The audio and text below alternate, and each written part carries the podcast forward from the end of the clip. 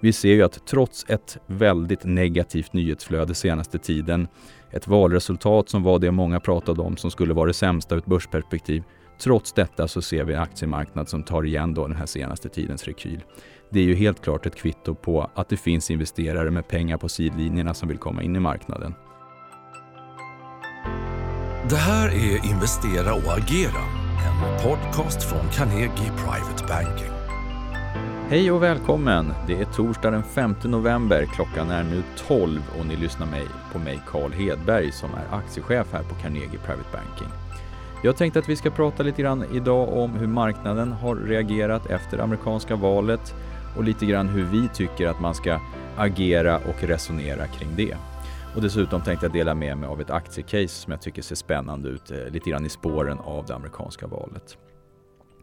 Om vi börjar lite grann med marknaden Eh, så kan vi då sammanfatta det hela med att vi hade en vecka i förra veckan där vi såg en ökad volatilitet. Vi såg VIX-indexet ökade en hel del eh, och vi såg börser som föll. Både för svensk del och amerikansk del så var marknaden ner ungefär runt 8 då från tidigare toppnivåer under oktober. Eh, den här osäkerheten var ju givetvis drivet då av det amerikanska valet som var i nära antågande men även då det negativa nyhetsflödet kring nya nedstängningar runt omkring i Europa då i spåren av den här ökade smittspridningen. Så att eh, helt klart såg börsen mer skakig ut än vad det visade sig att det skulle vara den här veckan. Men vi får väl ändå konstatera att det var ett väldigt starkt börssentiment i grund och botten. För börsen har ju den här veckan tagit igen den här nedgången till stor del. Och det här började ju redan då innan eh, amerikanska valet. Så att trots ett valresultat som dessutom då ser ut att bli det man befarade innan skulle vara det sämsta ur ett marknadsperspektiv, alltså ett väldigt jämnt val. Och det här negativa nyhetsflödet med nya nedstängningar och en kraftigt ökad smittspridning. Så har vi ändå sett en aktiemarknad som har då tagit sig tillbaks närmare de nivåerna vi hade för eh, ett, en, två veckor sedan här. Så att helt klart ett starkt börssentiment som fortsätter att råda. Och jag tror lite grann en anledning till att vi har sett den här återhämtningen, eh, om vi bortser då för, givetvis från, från de långsiktigt eh, starka drivande faktorerna för aktiemarknaden, så är det nog också att det här valresultatet som vi har sett, som visserligen är då väldigt jämnt och fortfarande till viss del osäkert, så ser det ju faktiskt ut att bli så att vi får se en splittrad kongress i USA. Alltså att eh, Republikanerna kommer fortsätta ha majoriteten i senaten och Demokraterna håller majoriteten i representanthuset. Och det här tror jag faktiskt marknaden på, på sitt sätt ändå gillar för det här kommer kunna ta bort en hel del befarade eh, kraftiga regleringar åt båda hållen och, och, stora skattehöjningar också. Så att på det här sättet så får nog marknaden ändå en viss förutsägbarhet då i vilka förändringar som kommer ske i USA efter valet. Så det är nog en anledning till att vi ser den, ändå den här starka börsen trots det då jämna valresultatet. Sen kan vi ju även se då att de bolagsrapporter vi har fått här under tredje kvartalet eh, har varit överlag faktiskt starka rapporter. Men vi har väl inte riktigt sett kursreaktioner som, som motiverar ändå de resultatavvikelserna som vi har sett. Utan trots ganska stora överraskningar på, på resultaten för många bolag så har inte aktiekurserna då orkat klättra vidare som, som en följd av det. Det är givetvis då en effekt av att aktiemarknaden har varit ganska stark under hösten här in mot rapporterna, så till viss del var det här inprisat. Men även också av det faktumet att en del av de här resultatavvikelserna var drivet av lägre kostnader. Företagen har varit väldigt duktiga på att dra ner kostnader och att det även då automatiskt blir lägre kostnader när man inte riktigt reser på samma sätt i bolaget. Man har inte riktigt samma typer av, av kostnader eh, förknippat med det helt enkelt.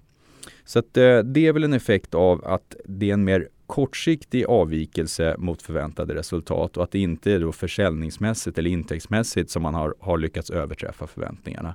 Så det är väl sannolikt en anledning till att vi ser lite mera ljumma reaktioner på, på bolagsrapporterna.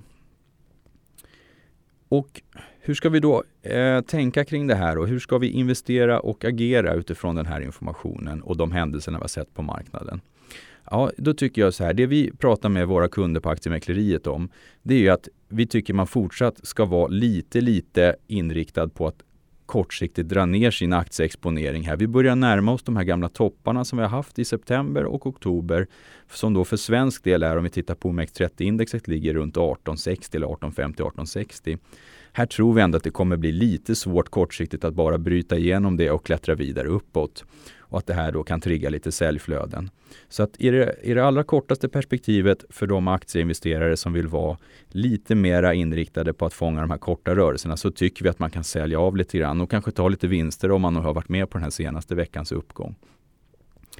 Eh, tittar vi istället på ett medellångt perspektiv, ja men då tycker jag då ska man hålla sig till det här gamla mönstret som har visat sig vara rätt. Då. man ska köpa på de rekyler vi har, även de som är lite mindre. Och det här tror jag kommer visa sig vara rätt nu här också under de här kommande månaderna som återstår på det här året. Så att köp på mindre rekyler i ett medellångt perspektiv när vi får dem. Och då ska man nog bevaka nivåer då som är ner mot 1700 för, för svensk del helt enkelt. Och det kanske visar sig att det inte når riktigt hela vägen dit ner heller utan att man får köpa en liten bit ovanför. Men vi förväntar oss ändå fortsatta rekyler nedåt även om de är i mindre storlek. Och då slutligen i ett lite längre perspektiv, hur ska vi resonera här? Ja, men då tycker jag då ska man faktiskt ta fasta på det här starka börssentimentet. Vi ser ju att trots ett väldigt negativt nyhetsflöde senaste tiden, ett valresultat som var det många pratade om som skulle vara det sämsta ur ett börsperspektiv. Trots detta så ser vi en aktiemarknad som tar igen då den här senaste tidens rekyl. Det är ju helt klart ett kvitto på att det finns investerare med pengar på sidlinjerna som vill komma in i marknaden. Så att det här tycker jag talar för att aktiemarknaden ska fortsätta klättra uppåt över tid. Eh, och så länge vi har låga räntor så finns det ett stöd för de här värderingarna vi har på aktiemarknaden just nu. Så att eh, långsiktiga investerare ska helt klart titta på att, att fortsätta köpa aktier och öka aktievikten. Tittar vi då lite mer specifikt, vad kan man titta på för aktiecase som skulle kunna vara intressanta här och nu? Ja, men då tycker jag en aktie som är lite extra intressant nu i spåren av det här valresultatet i USA, ja, det är faktiskt läkemedelsbolaget AstraZeneca. För en sektor som verkligen gynnas av det här splittrade läget i kongressen, det är då hälsovårdssektorn. Just för att man har pratat mycket om att man ska införa regleringar som, som styr då vilka läkemedelspriser man kan ta ut på den amerikanska marknaden. Och det här är en stor och viktig marknad för många stora läkemedelsbolag och, så väl även AstraZeneca. Och det här då valresultatet med den förväntade splittrade kongressen, det gör ju att de här regleringarna sannolikt inte kommer bli av, åtminstone inte i den stora omfattning som det har pratats om då från, från demokratiskt håll och även till viss del från, från republikanskt håll. Eh, så att det här är ju helt klart någonting som är kortsiktigt positivt för sektorn och eh, även då för AstraZeneca. Sen det långsiktiga caset, eh, varför vi gillar AstraZeneca, ja men det är ju egentligen att man har en väldigt stark produktportfölj. Man har siktat in sig sedan ett antal år tillbaks på cancerområdet som ett stort nytt behandlingsområde. Här har man lyckats få fram ett par nya läkemedel som har fått en fantastiskt fin start på försäljningen. Man har höga marginaler på de här produkterna. Man har långa patent så att man kan fortsätta sälja de här utan konkurrens från generika läkemedel ytterligare en tid. Eh, vi ser att AstraZenecas försäljning totalt sett den växer någonstans 15% per år. Och det här kommer innebära att vinsten i bolaget, vinst per aktie, kommer växa någonstans det dubbla under de här kommande åren.